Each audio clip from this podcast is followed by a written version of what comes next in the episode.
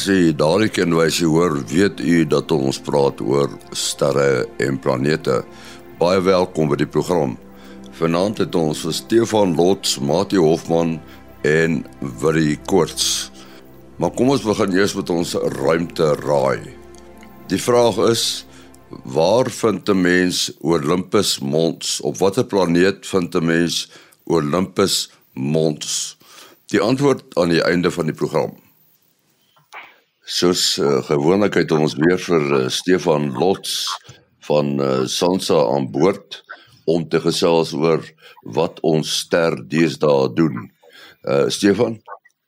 Manteni. Ehm um, die son is lekker aktief gewees die afgelope ruk. Ehm uh, so net in die afgelope week was daar tussen 4 en 10 aktiewe areas op die op die oppervlak van die son. Hulle beweeg nou maar rond en en smelt saam en en verdwyn nou weer so dis kom ek dis kom ons nou nie 'n perfekte telling kan 'n eenvoudige telling kan maak nie. Ehm um, ons het klompie filamente sigbaar gewees, klomp ehm um, sonvakkels uh, ook die afgelope week omtrent 10 M+ en hoër. Ehm um, en dan nou hier op die 29ste Januarie was 'n lekker sterk M6.8 fakkel en dan nog part gaan 'n massa uitbarsting. Die ehm um, die massa uitbarsting het ons op die einde gemis. Uh of net so rakelings die die aarde se magnetveld gesteer, maar hierdie sonvakkel was 'n sogenaamde lang uh langtydsdier vak fakkel en hy het ook nou 'n klomp uh protone uitgestoot en dit het 'n beduidende stering in in steurings in radio frekwensies as gevolg van absorpsie veroorsaak, maar dit was nou meestal maar in die Asiatiese sektor so hier oor Australië en en Asië, uh in Afrika uh spesifiek uh vreeslik beïnvloed nie. Um hierdie word ons ons noem hierdie sogenaamde stralingstorm of radiation storm in Engels. Um en hy was uh 'n S2 vlak gewees. So dis nou 2 uit 5. So mens kan sien hy's nou nie nie die uh nie ernstige storie nie, maar daarom ook nou nie die heel die heel ligste weergawe nie. So ja, ons is hier's genoeg om ons besig te hou tans. Laat ek nou mooi kyk. Daar's tans omtrent so 11 aktiewe areas op die oppervlak van die son, afhangende van hoe mense dit tel. Ehm um, en in die afgelope 24 uur was daar nou weer 'n plasvakkel en um, hy het ook 'n massa uitbarsting gehad en by behoort die aarde te tref binne die volgende paar dae. Ehm um, die sonwindspoed sit ook hier bo die gemiddeld want ons gemiddelde of 'n stil sonwindspoed sit hier by tussen 350 en 400 km per sekond maar hy staan hier by die 500 km per sekonde want daar's nou 'n hoë spoedstroom wat dan ook op die aarde af afstuur tans. So ja, genoeg om ons mee besig te hou. Die tegnologie wat wat of die, die stelsels wat geraak word is meestal maar die hoë hoë frekwensie ehm um, kommunikasie, dis nou satelliet en en weermag ensovoorts. So kommunikasies wat kommunikasie wat geraak word, uh satelliete wat beskadig kan word deur die uh uh hoë spoed uh hoë energie, hoë spoed ehm um, protone en, en elektrone en nie veel in die magnetiese veld nie. So ons kyk nie nou tans na uh probleme op op kragnetwerke of so. Ja, dankie uh, Stefan. Mati, ons weet nou ons uh, buur sterrestelsel uh, Andromeda is so stadig besig om na ons Melkweg toe te beweeg. Nou wat sal gebeur as twee sterrestelsels bots? In die geskiedenis van die heelal en ook uh, op 'n kleiner skaal uh in ons eie Melkweg en op 'n nog kleiner skaal in ons eie sonnestelsel was botsings van verskillende groottes uh baie prominent gewees in die geskiedenis en dit het 'n uh, deurslaggewende invloed gehad op hoe dinge op die oomblik daar uitsien. So mense kan nou uh, uh, gaan wonder maar weet uh, vergelyk nou iets soos 'n sterre twee sterrestelsels wat elkeen uit uh, kom sien nou maar 100 na 200 biljoen sterre bestaan en tussenin is hoofsaaklik leë ruimte en nou bots hulle met mekaar. Dit is waarvan ons nou praat as ons dink aan die Andromeda sterrestelsel en ons Melkweg wat dan nou oor 'n paar biljoen uh jaar volgens die voorspelling sal bots. Daarteenoor is ons gevoel van botsings meer iets soos wat ons hier op die aarde sien, weet sommer op baie klein skaal as ons 'n klip in die grond gooi of iets val van die van die dak af of 'n koel wat 'n in 'n in 'n boom inskiet. Weet ons dink aan iets solieds en dan uh wat daarmee verband hou is natuurlik as die meteoriet in die aarde inbots wat dan nou ons weet groot uh uh gevolge gehad het in die geskiedenis soos die Vredefort koepel ehm um, die groot impak daar in die uh, mos die golf van Mexiko uh wat daar 'n impak was wat waarskynlik die kettingreaksie veroorsaak het wat tot die uitwissing van die dinosourusse uh, gelei het. So dis nou 'n uh, soliede tipe voorwerpe wat wat bots maar op die mikroskaal is soliede voorwerpe ook maar nie solied nie nê. Ehm um, uh, elke soliede liggaam bestaan uit atome en 'n atom is hoofsaaklik leë ruimte. Uh wat weet die prote, die atoomkern uh wat feitelik al die massa uh bevat en dan is daar die elektrone uh, wat daarom uh, roteer en 'n groot deel van die volume opmaak maar die massa daarin is is baie klein. Nou dit sou so 'n bietjie analoog wees aan die groot leë ruimtes tussen die uh, tussen die sterre. Uh so wat gaan gebeur is dat al hierdie voorwerpe gaan 'n groot invloed op mekaar hê by wyse van hulle gravitasie want hulle kom nou redelik naby aan mekaar. Maar die botstes wat een ster in 'n ander ster in beweeg, dit gaan plaasvind nie maar nie naaste by so volop as wat 'n mens nou sal uh, sal verwag nie. Ehm um, selfs in bolvormige sterrehope wat uit in 'n nie baie groot ruimte nie uh uit 'n paar miljoen sterre kan bestaan vind uh botsing tussen twee sterre maar ek dink so eenmal in 'n paar dekades plaas. Dit is uh dit is relatief laag. So mens kan gaan kyk na animasies van hoe die rekenaarmodelle uh, wat dan nou uh, maar grootliks op Newton se bewegingswette uh, met 'n afname van die kragwet, die tweede wet van Newton uh, wat sê hoe die beweging verander as 'n uh, bekende kragte op 'n voorwerp inwerk en die bekende krag in die geval gaan gravitasiekrag wees. Ehm um, en uh, dan kan het hulle al hierdie animasies gemaak van uh, wat die modelle voorspel en dit is eintlik skouspelagtig van hoe die voorwerpe so half deurmekaar be beweeg en dan omdraai uh en begin saamsmelt. Dit is werklik skouspelagtig. En uh uh daar is fotos van stelsels wat in besig is met 'n botsing. Wat 'n mens kom ons sê nou maar 'n uh, een rampie van so animasie verteenwoordig.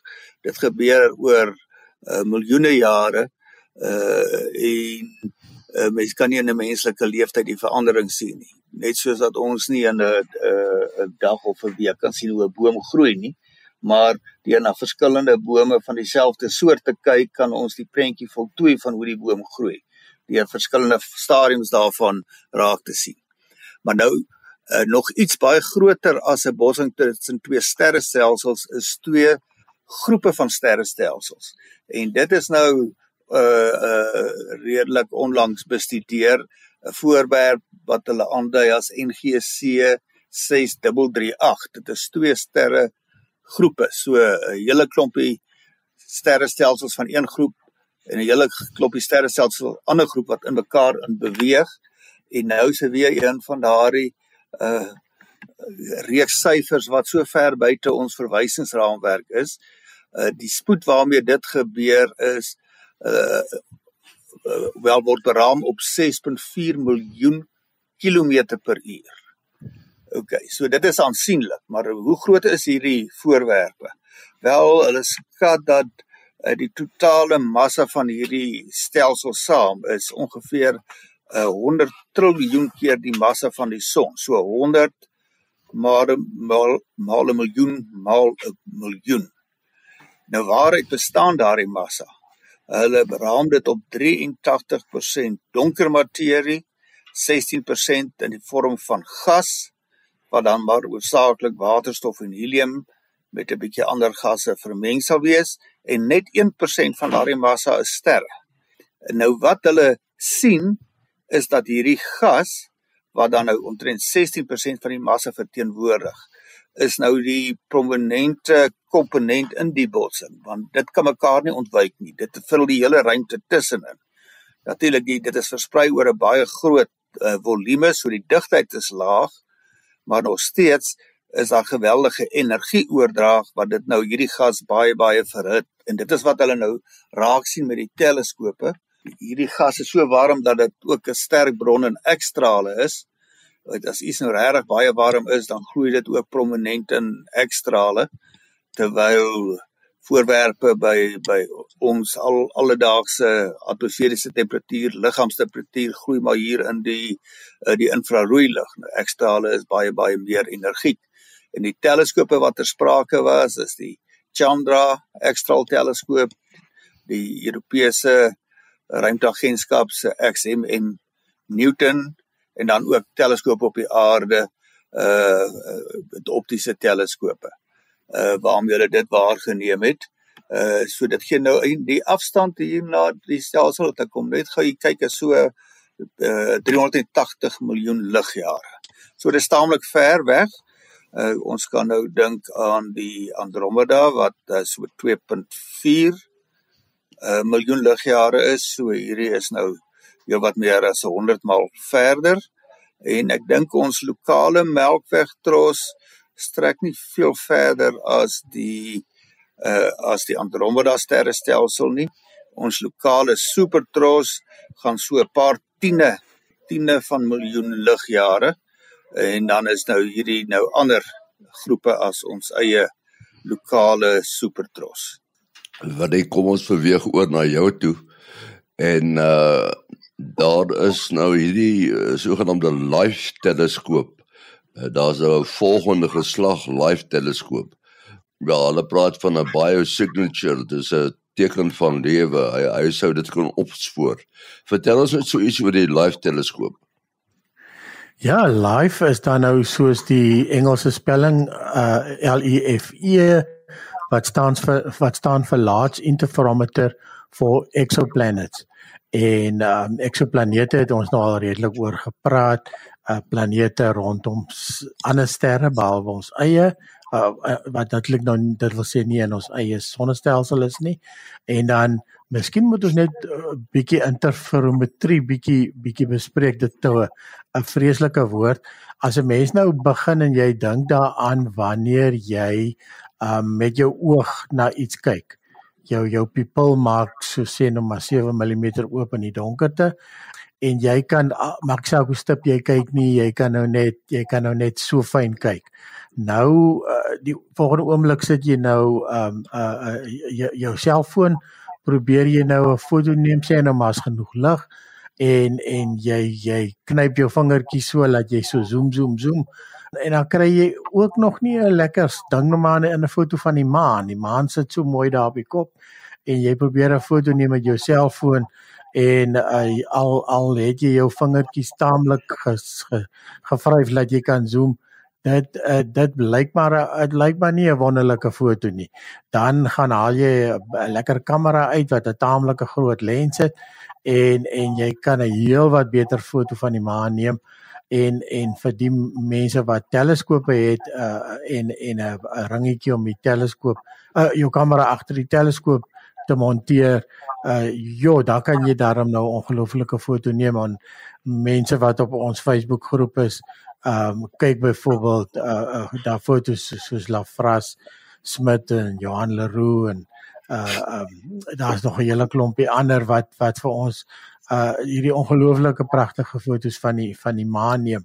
En um die, die ding is en, en, en as jy nou Sutherland toe gaan en jy sien byvoorbeeld hierdie geweldige groot teleskoop wat salt is, dan dan dink jy nou hoekom moet die ding nou so groot wees? So behalwe dat die ding meer lig versamel, is daar 'n tweede effek en jy kry meer oplosvermoë. Ehm uh, wat beteken jy kan fyner en fyner en fyner detail kry hoe groter en groter jou jou teleskoop raak. Ehm um, so nou ons het al gepraat hoe teleskope werk uit basies 'n 'n spieël deesdae. Jy kan of 'n lens gebruik. Ehm um, maar deesdae gebruik ons al ons teleskope spieëls. Die spieël uh, versamel 'n klomp lig, bring dit tot 'n fokus en uh, hoe groter jy die spieël maak, hoe beter en byvoorbeeld ons ons weet byvoorbeeld van uh, uh die VLA die Very Large Array teleskoop wat 4 8 meter teleskope is wat langs mekaar staan doen dit ook in die radio waar jy waar jy die die die syne kan kombineer om om dan effektief 'n groter teleskoop te vorm. Nou ons het al voorheen op die program gepraat van waar jy selfs teleskope op verskillende kontinente kan sit, veral in die radio.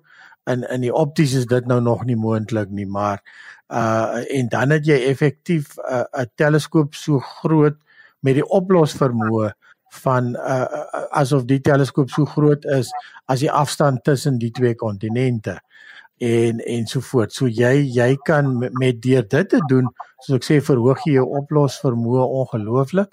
So die uh, uh, live teleskoop wat hulle nou hier beplan is eintlik 4 teleskope in die ruimte. Ehm um, dis eintlik net vier spieëls kan jy maar amper sê.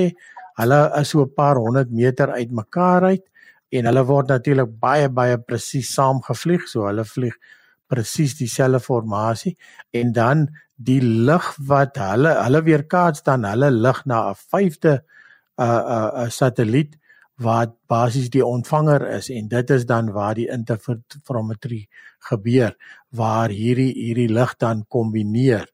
Ehm um, nou die meeste van die interferometries wat ons ken sover is om die beeld te versterk eintlik uh wanneer jy hierdie uh, uh soos in die geval 4 uh 'n speelse lig gaan kombineer.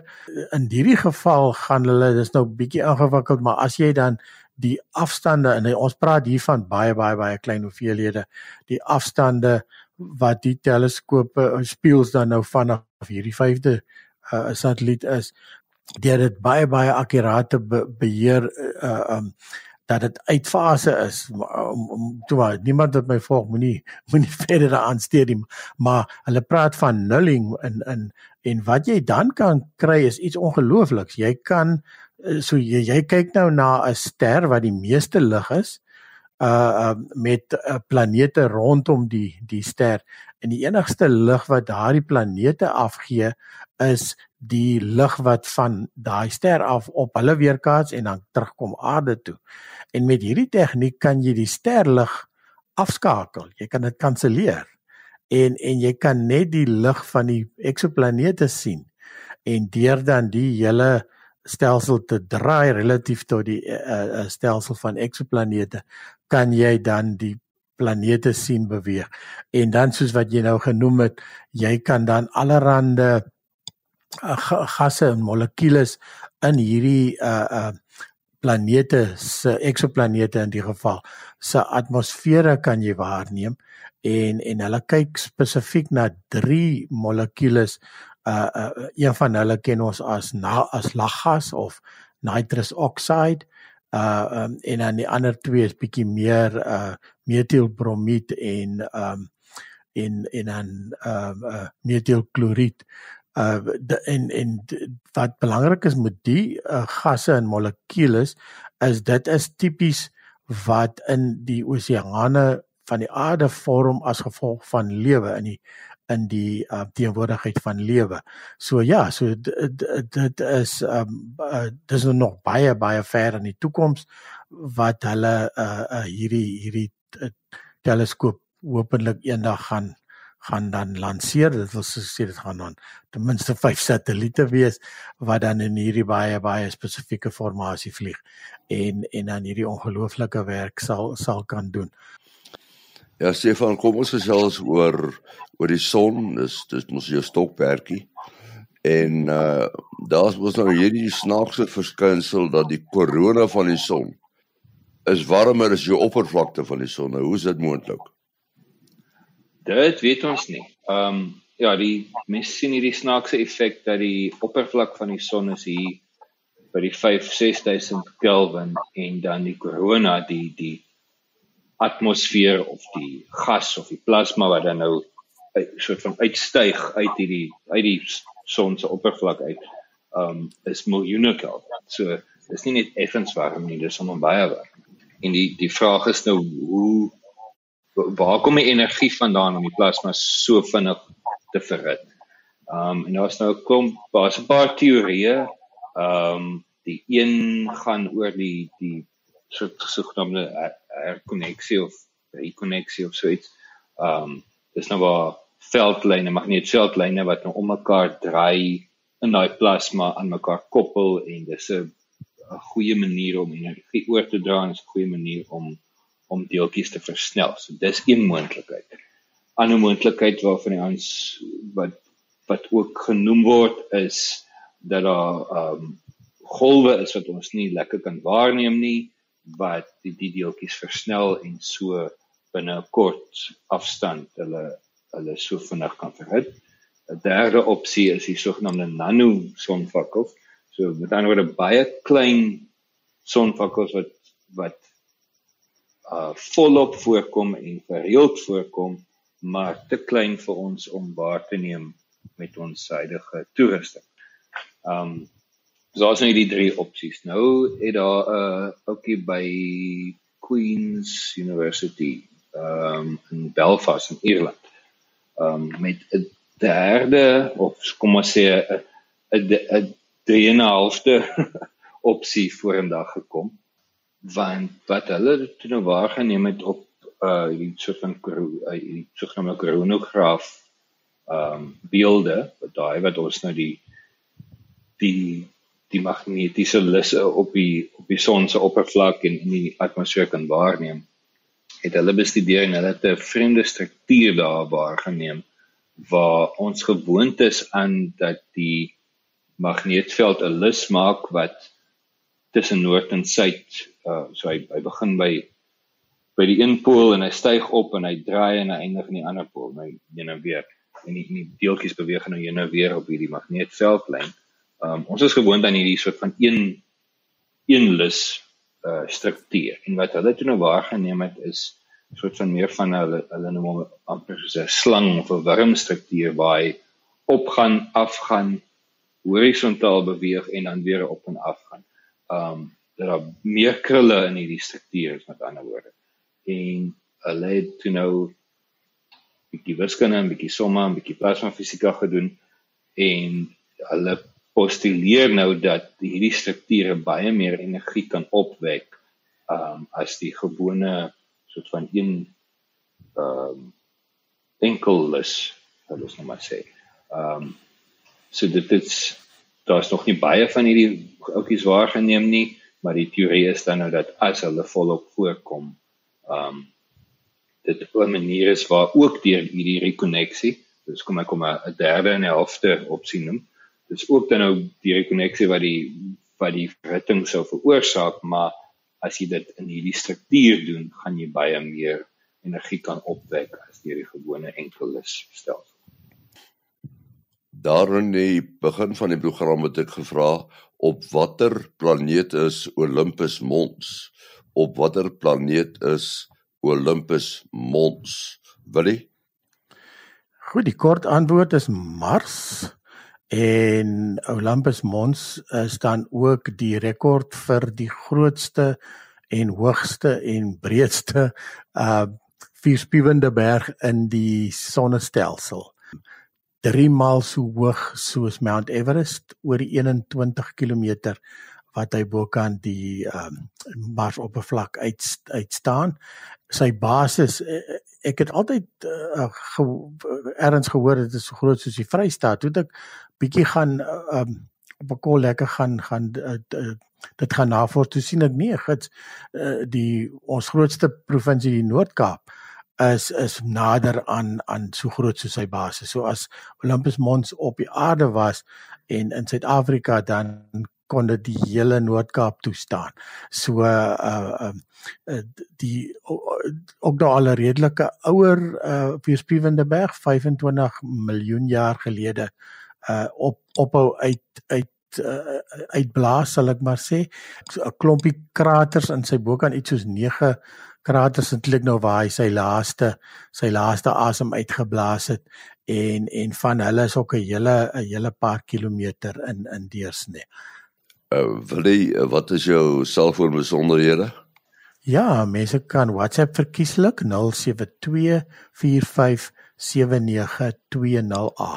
0724579208. En Mati 0836257154. 0836257154. En dan Stefan. Ja, mense kan my e-pos stuur by slots@sansa.org.za, s l o t z by sansa.org.za. My telefoonnommer 0825724170. 0825724170 en dan ons Facebookgroep se naam is Henny Maas en sy ruimtespan. Henny Maas en sy ruimtespan. E-posadres sterreplanete@gmail.com. sterreplanete@gmail.com. Tot volgende week. Mooi dag.